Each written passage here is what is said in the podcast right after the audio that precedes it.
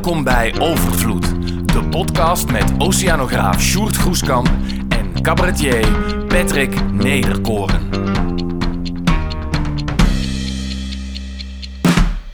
Ja, lieve luisteraars, vanuit de Verkadefabriek in uh, Sertogenbos. Uh, misschien wel het fijnste theater van Nederland, maar dat zeg ik volgens mij elke editie. Hè? Dat kunnen mensen Ja, terugluisteren. elke dat is weer vervelend. Ja. Ehm, maar vanavond is het waar. Ehm, nemen we de podcast op van de voorstelling Overvloed. En te gast is Doreen Westvaal. Hallo. Hi Doreen, jij bent een voedselinnovator. En we gaan het zo meteen hebben over wat je allemaal op het gebied van voedsel ontwikkelt. eh, waarom je dat doet, op welke manier, eh, hoe je je bereik groter maakt. Maar we beginnen even, je bent in Eindhoven opgeleid als designer. Nee, dat klopt niet. Niet in die... Oh, nou, we beginnen meteen. Ehm, nee, ik ben eigenlijk iemand die een beetje learning by doing eh, deze kant is opgegaan.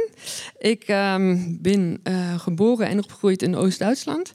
Ehm, ben eigenlijk vrijwel snel na, na de val van de muur daar weggegaan. Op een gegeven moment in Nederland beland. En ik had eerst ehm, wel ehm, was ik bezig om dingen te maken, maar ook uit de reststromen, uit binnenbanden had ik een hele collectie, collectie tassen gemaakt. Later van restleer in samenwerking met een, met een fabriek. En op een gegeven moment had ik eigenlijk gedacht, alles wat ik maak is eigenlijk alweer, ja, het, het, het is eigenlijk overvloed. Het is, die tassen die wij maakten, die waren mooi, die waren van restleer gemaakt. Maar eigenlijk, als ik keek naar degene die ze gingen kopen, die hadden al tien tassen. Dus het was eigenlijk niet echt nodig. Dus nog, nog één stapje ervoor. Als. Ja. Je was dus gefascineerd door restproducten. Dus, dus er werd een product gemaakt, dan blijft er iets van over. En jij dacht van wat er overblijft, kan je nog iets nieuws maken. Nou ja, ik denk, het is meer opgroeien in Oost-Duitsland. De dingen waren wat schaarser. ja. Ik bedoel, wij leden geen honger, maar ik, ik weet dat als een binnenband eh, kapot was, dan moest ik eh, elastiekjes knippen van mijn moeder. En, en, en die worden weer gebruikt. En dat was een beetje. eh, wij moesten ook als scholieren één keer in de herfst op het veld achter zo'n tractor aanlopen. En die aardappels die dan nog lagen, nog verzamelen. En dat, Ja. Dus dat bleef niet liggen.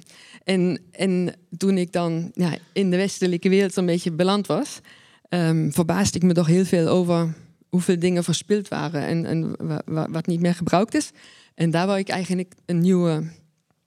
ehm, ja, Ja, precies een nieuw leven aan geven. Ja, maar, maar toen precies. zei je van de producten die ik daarvan maakte, dat waren Ja. eigenlijk luxe producten of iets waarvan Ja. mensen al heel veel hadden. En toen ben je op voedsel. ja gaan toen dacht ik, nou, wa- wat vind ik eigenlijk zelf belangrijk voor de toekomst? Dat is eh, ehm, schoon water, eh, goed eten en dan ook voor iedereen. Niet alleen voor ons hier, maar voor de, voor de planeet. Ja, En, eh, En- om dat een beetje in perspectief te plaatsen, eh, eh, op de wereld is ongeveer 25% van de totale uitstoot aan eh, CO2. Eh 15% door de vleesindustrie en 10% door eh, andere soorten voedsel. Ehm, maar waar jij mee bezig bent, eh, is op dit moment is dus onder andere met ontwerpen, bedenken van nieuwe vleesvervangers uit reststromen, uit restproducten. Dat heb je een tijdje gedaan eh, via Botanic Bites bijvoorbeeld. Ja, klopt. En dan vang je dus eigenlijk twee vliegen in één klap. A, je, je hebt minder verspilling en dat zorgt voor minder eh, ja, eh, energieverspilling ook. En je creëert nieuwe producten die heel lekker zijn, die vlees kunnen vervangen. Ja, en dat tweede, dat, dat ik, vleesvervangers, dan, dan hang je misschien meteen zo'n labeltje aan vast. Ik Ja. wil gewoon lekker eten maken wat mensen lekker vinden. En inderdaad, ehm, ik kwam een aantal restaurants tegen. ehm, een hele grote waar ik heel graag mee werk, dat zijn de steeltjes van oesterzwammen. Die blijven achter bij de boeren, want die, ehm, die zijn wat taaier dan de paddenstoelen zelf. En die gaan dus niet mee naar de supermarkt. Maar in, in plantaardig voedsel mis je vaak een beetje de bite. En ja, dat, dat is is eigenlijk een, een nadeel wordt een voordeel. Als ik dat toevoeg aan mijn worstjes en burgers, dan, dan, dan krijg je een goede bijt. Je hebt een umami-smaak, want paddenstoelen bevatten umami, de hartige smaak uit het vlees ook. En ehm paddenstoelen zijn 80%, 90% water en water draagt de smaak. Dus het wordt ook sappiger. en je bent ermee begonnen 2016 volgens mij in Eindhoven, toch? Ben je begonnen Ja. met het experimenteren Ja. met, die, met, die, met die oesterzwammen. Hoe, hoe kwam dat idee in het stadsarchief van Eindhoven ook Ja, nog? klopt, ja. Ja, wat, Dat, ja, dat kwam was het idee tot stand? Ehm, nou, dat was een leegstaand gebouw. Het was het oude ehm, technische gebouw van Eindhoven. En in de kelder was het oude archief. En er waren ook nog van die, van die rails in de grond, waar ze die kasten in en uitschoven. En daar ben ik begonnen zelf paddenstoelen te kweken op basis van koffiedrap. En, Op ehm, basis van koffiedrap, ja. dat is een beetje een bekend verhaal, denk ik. Ehm, Want dat werd bij alle culturele instellingen in Eindhoven ingezameld. Toch? Of in ieder geval heel veel, ook, ook niet culturele instellingen, maar die, die, die ja, ik ben daar best wel eh, rondgefietst. Ja. En, ehm, maar op een gegeven moment, ja, na, na een half jaar of zo dacht ik, ja, de revolutie gaan we hiermee niet, eh, niet halen. Dat, eh, die paar kilo's. En ik kwam er ook achter, dat ehm, Brabant en ehm, Limburg zijn paddenstoelregio's van Nederland. Wij hebben dubbel zoveel paddenstoelboeren dan de rest van Nederland. En daar bleven dus al die reststromen achter, die, die steeltjes. En dat was bij een speeddate van ontwerpers met eh, boeren met reststromen. En daar ben ik dus, eh, had ik een match met een boerin ehm, uit Liesel. En die wou graag iets doen met hun steeltjes eh, van de oesterzwammen. En, en daardoor is eigenlijk die samenwerking ontstaan. En, wa- en wat ben je daarvan gaan maken? Eh, nou, één ding wat wij nu heel veel daarvan maken is kebab. Ehm funky kebab. Dus daar staan wij ook op echt een aantal festivals mee met onze foodtruck eh, van Resti. Ja, hier op, op Boulevard hebben jullie gestaan volgens mij, toch? Of, of, of in Noord-. Noorders, Noorderslag? Best Kept Secret, Noorderslag. Ja. wij staan, ja. Ehm Dutch Design Week staan we al sinds 2017, denk ik. Ehm, en wij hebben een braadworst, dan maken we de Berliner curryworst. En we hebben burgers en balletjes. En, en nu recent ehm, heb ik een eh, reststroom spruitjesschillen. Dat zijn bijvoorbeeld in september 120 ton spruitjesschillen. Reststroomspruitjes Ja. de klein, te groot en de schillen. Ehm, en en eh, nou ja, daar ben ik nu aan het experimenteren mee. En eh, wij hebben ook een burger van tomaten. Dat is dat- niet de goede kleur, niet met z'n allen een takje. Te groot, te klein, blijft ook allemaal achter. Oh, dat zijn de, de tomaten die de supermarkt niet halen omdat Ja. ze lelijk zijn eigenlijk. Ja, de, de gekke tomaten. Maar ja. verder een heel prima product Ja, is. ze hebben een goede smaak, ja. Ja. Hey, Doreen, mag ik heel even inzoomen? Komen we zo weer bij jouw Ja. verhaal terug. Maar hoe kan ik dit zelf in de keuken doen? Dus, Iemand vertelde mij laatst, eh, je kan bij een broccoli eh, van de steel, hè, daar kan je ook gewoon plakjes van maken. En die kan je heel lekker marineren en zo. Dus dat doe ik tegenwoordig. Maar ik ben Ja. alleen nog bij de broccoli. Ik zal nu ook bij de oesterzwam gaan nadenken. Maar hoe kan ik dit op klein niveau doen? Want jij zit waarschijnlijk niet te wachten op mijn drie oesterzwamstammetjes. Nee, want die krijg jij niet eens. Die blijven achter bij de boer. Ah, die gaan niet eens mee. Maar ik, ik vind dat de supermarkt eigenlijk verantwoordelijkheid moet nemen voor de dingen die ze achterlaten Ah, bij de boeren. Ja, dus precies. zij nemen alleen de beste tomaten, ze nemen alleen de, de, de, het blad van het paddenstoel, maar niet de rest. Precies, maar jouw blik is wel, eh, als, als stel dat je wel het rest gebeuren krijgt, zoals bijvoorbeeld bij een broccoli. Jij denkt dan altijd, ik gooi er gewoon niks van weg. Ik ga altijd nadenken over wat ik er nog mee kan. Dat is iets wat ik dus thuis ook kan doen. Eh, ja, dat kan je doen. Ja. Eh, en- maar kijk, de, de stam van de broccoli, daar kan ik ook niet zoveel mee. Heel Maar- lekker. Je moet er gewoon heel veel, hoe heet dat, van, van die eh, eh, eh, soja overheen mikken en zo lekker bakken. En dat wordt heerlijk. Ja, maar die wordt steeds... steeds Patrick, jij was Niemand toch wil bij mij komen eten. Jij was toch cabaretier? eh, eh. Oké, ik bemoei me niet meer met koken. Ja, oké, ja. ja. Maar Nee, ik had daar nog wel een maar het vraag gaat, mij dus heel, maar het gaat me heel even om die focus. Dus jij Ja. bent dus iemand, je ziet, dat vertelde je net ook uit je jeugd, je ziet, en dat is iets wat ik eigenlijk in mijn leven ook zou willen. Dus ik Hm. donder best wel veel weg. Dus heb je een, een tip voor mij om die, om die houding aan te pakken? Van hoe, hoe kan ik zien wat ik kan maken uit de dingen die ik anders weggooi? Ehm, nou, je kan heel veel online vinden als je googelt. Maar ik denk vooral ook... ehm, ik heb ooit, toen ik nog tassen maakte, had ik één tas die heette de Measure Bag. En dat was een tas die had op de zijkanten getallen van 1 tot 5. Omdat wij 1 vijfde van het eten weer weggooien in Nederland... dacht ik, als je boodschappen doet, stop gewoon bij 4. En dan, dan hoef je ook niks Yes, weg yes. te gooien. Kijk, dit vind ik mooi. Ja. Ja, eh, ik had ook nog gevraagd, hoe, eh, hoe heb jij die producten ontwikkeld? Want ik heb ergens gelezen dat het, eigenlijk heb jij gewoon heel veel uren in de keuken gestaan en zelf Ja. eh, heel veel geëxperimenteerd. Kan, kan je daar gewoon iets over vertellen hoe dat dan gaat en hoe- hoeveel dagen dat geweest is en wat je tegengekomen bent terwijl je dat doet?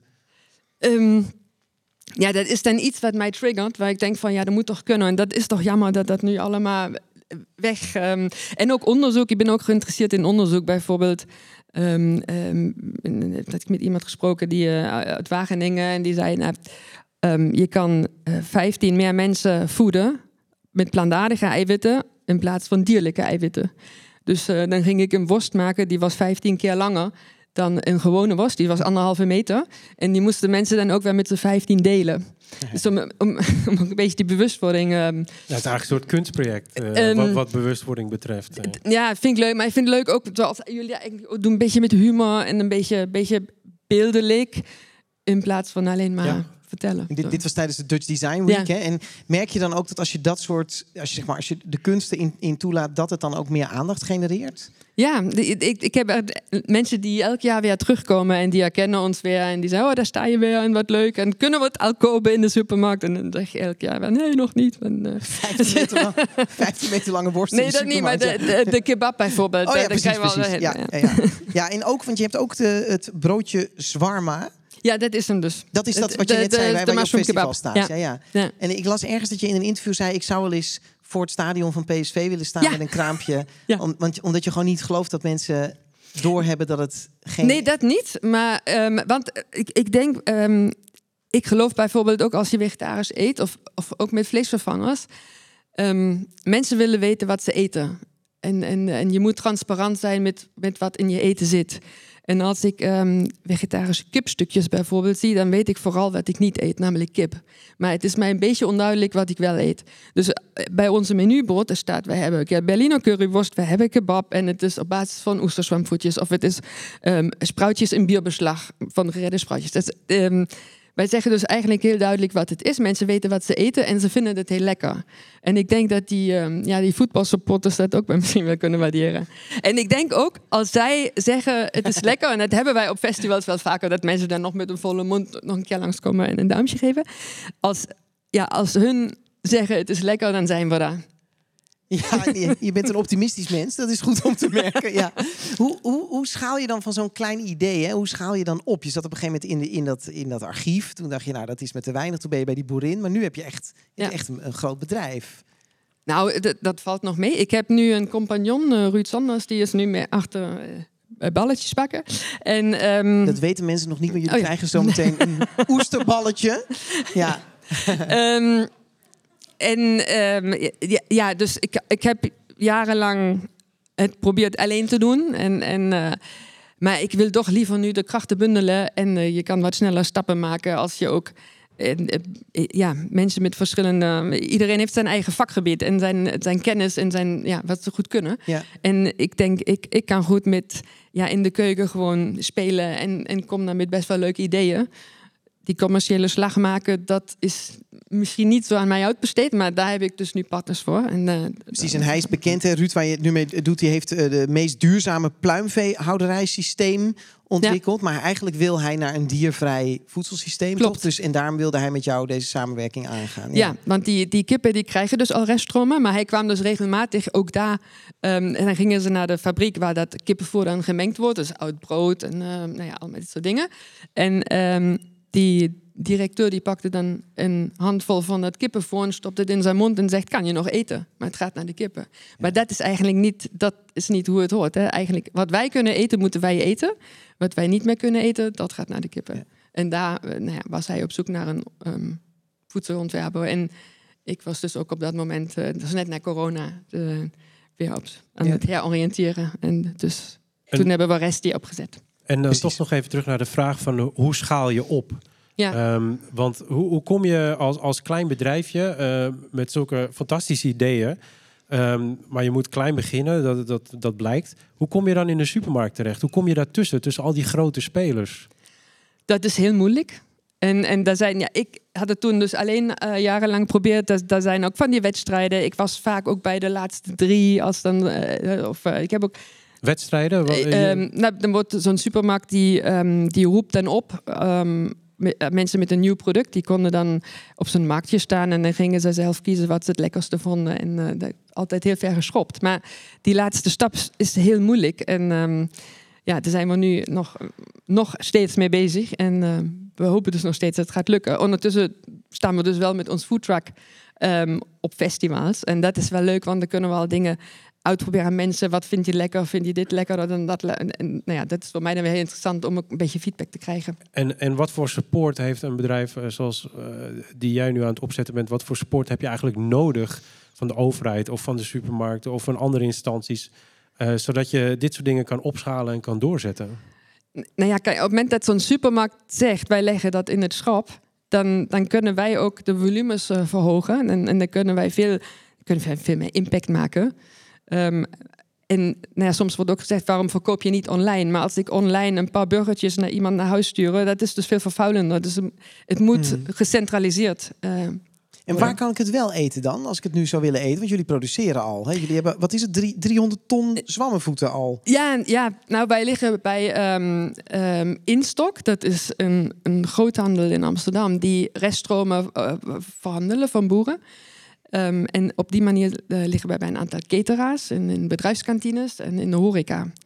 Maar wij liggen dus nog niet in de retail. Hey, en, en doorheen eh, dit soort ontwikkelingen, hè, want jij weet ook over klimaatverandering, Ja. dat was een van je drijfveren ook. Gaat het snel genoeg? Het klinkt best wel als een lang proces, want je bent er nu al zeven jaar mee bezig. Ja. Wat, ja, hoe, hoe kan dit nog sneller eigenlijk? Sjoerd het ook hoor, maar wat, wat, wat moet er gebeuren? Ja, bekendheid. Mensen moeten het eten. Dat Ja. is het eigenlijk. Ja. Wat ondertussen in de zaal nu gebeurt, maar dat is dus een unieke ervaring eh, eh, die u meemaakt. Maar dan toch, Dat hoe zie je echt- de toekomst? Als je, Ja. als je wat verder vooruit kijkt, hè, over, nou, laten we zeggen, over, over 15 jaar of zo. Dan, eh, Ja. dan heb je drie periodes van zeven jaar je aan gewerkt. Nu heb je die opstart heb je gehad. De droom is met me mee. Waar, waar zijn we dan? Ja, dan, dan willen wij bij in de retail liggen. Dat mensen dus ook onze producten thuis kunnen eten. Festivals vind ik nog steeds zelf heel leuk om te doen. Ja, En, eh, en in de horeca, dat zijn eigenlijk de drie pijlers ehm, waar je... en dat is vanuit jullie gedacht en vanuit de consument. Wat zou je Ja. willen dat die, als het Nou, gaat ja. om dit soort nieuwe vormen van eten... Eigenlijk, kijk, ehm, dan heb je geen reststromen meer. Als je een, een goede waardering geeft aan een reststroom... Het wordt een product, het is geaccepteerd, wordt gegeten... dan is de reststroom geen reststroom meer. Ja. Dus de reststromen zijn weg. Het Ja. publiek is eraan gewend, vraagt ernaar. Jullie zijn ondertussen eh, stinkend rijk geworden. Gepensioneerd. Gepensioneerd, inderdaad. Maar en hoe ziet de wereld er dan uit? Is, is, de- denk je, wordt er nog evenveel vlees gegeten als nu? Wordt, is, een, is de voedselindustrie nog steeds zo vervuilend als nu? Wat, wat denk Kan- je? ja, dat kan ik mij niet voorstellen. Dat, Nee? dat, wij, zo kunnen, dat wij zo doorgaan als wij, als wij eh, dat nu doen. En ja, de meer mensen je spreekt, er is, er is een omslag aan de gang. Veel mensen, zeg maar, de mensen die heel veel, veel vlees aten, eten iets minder. Vegetariërs worden veganisten. Het is alsof iedereen een stapje naar links maakt, maar en langzaam in beweging komt. Ja. Ja. En eh, jullie slogan is ook niet eh, wij vervangen vlees, maar wij voorkomen het. Ja, wij maken vleesvoorkomers. Want wij pakken eigenlijk reststromen af die anders naar diervoer gaan. En ehm, maken dan ja, maken die overbodig. Ja, die en eh, dus eigenlijk ehm, wat de bedoeling is, en, en met een aantal anderen met jou waarschijnlijk, is dus het opschalen van het voorkomen van het vlees eten. En daarmee dus een van de grootste pijlers van klimaatverandering aanpakken. En dat ook ja. nog eens een keer gebaseerd op reststromen. Dus je hebt ook nog eens een keer geen afval. Waardoor het eigenlijk een hele circulair geheel wordt. eh. Dus het- het- binnen de horeca heb je ook ehm, zeg maar een aantal stappen die je kan nemen om te verduurzamen. Op één staat rundvlees van de kaart, op twee staat ehm, reststromen voorkomen. En nou, wij hebben allebei, dus eh, dat, eh, dat komt wel goed. Heel goed. Hey Doreen, als je terugdenkt aan eh, toen je als meisje over die akker liep en, eh, en Nee. eh, die rotte aardappels van het veld. Nee, niet rotte. Oh, de, De goede aardappel. goeie? Ja, ja, ja. ja, oh, ja. hey, ja, ik maak het zo dramatisch. ja, probeer er nu nog maar eens een emotioneel eind van te maken. Nee, maar ik, ik dacht, je, ja, je noemde toen het woord overvloed. Hè? Dus Ja. dus ik, ik denk wel eens, alles is nu voorhanden, alles is altijd beschikbaar.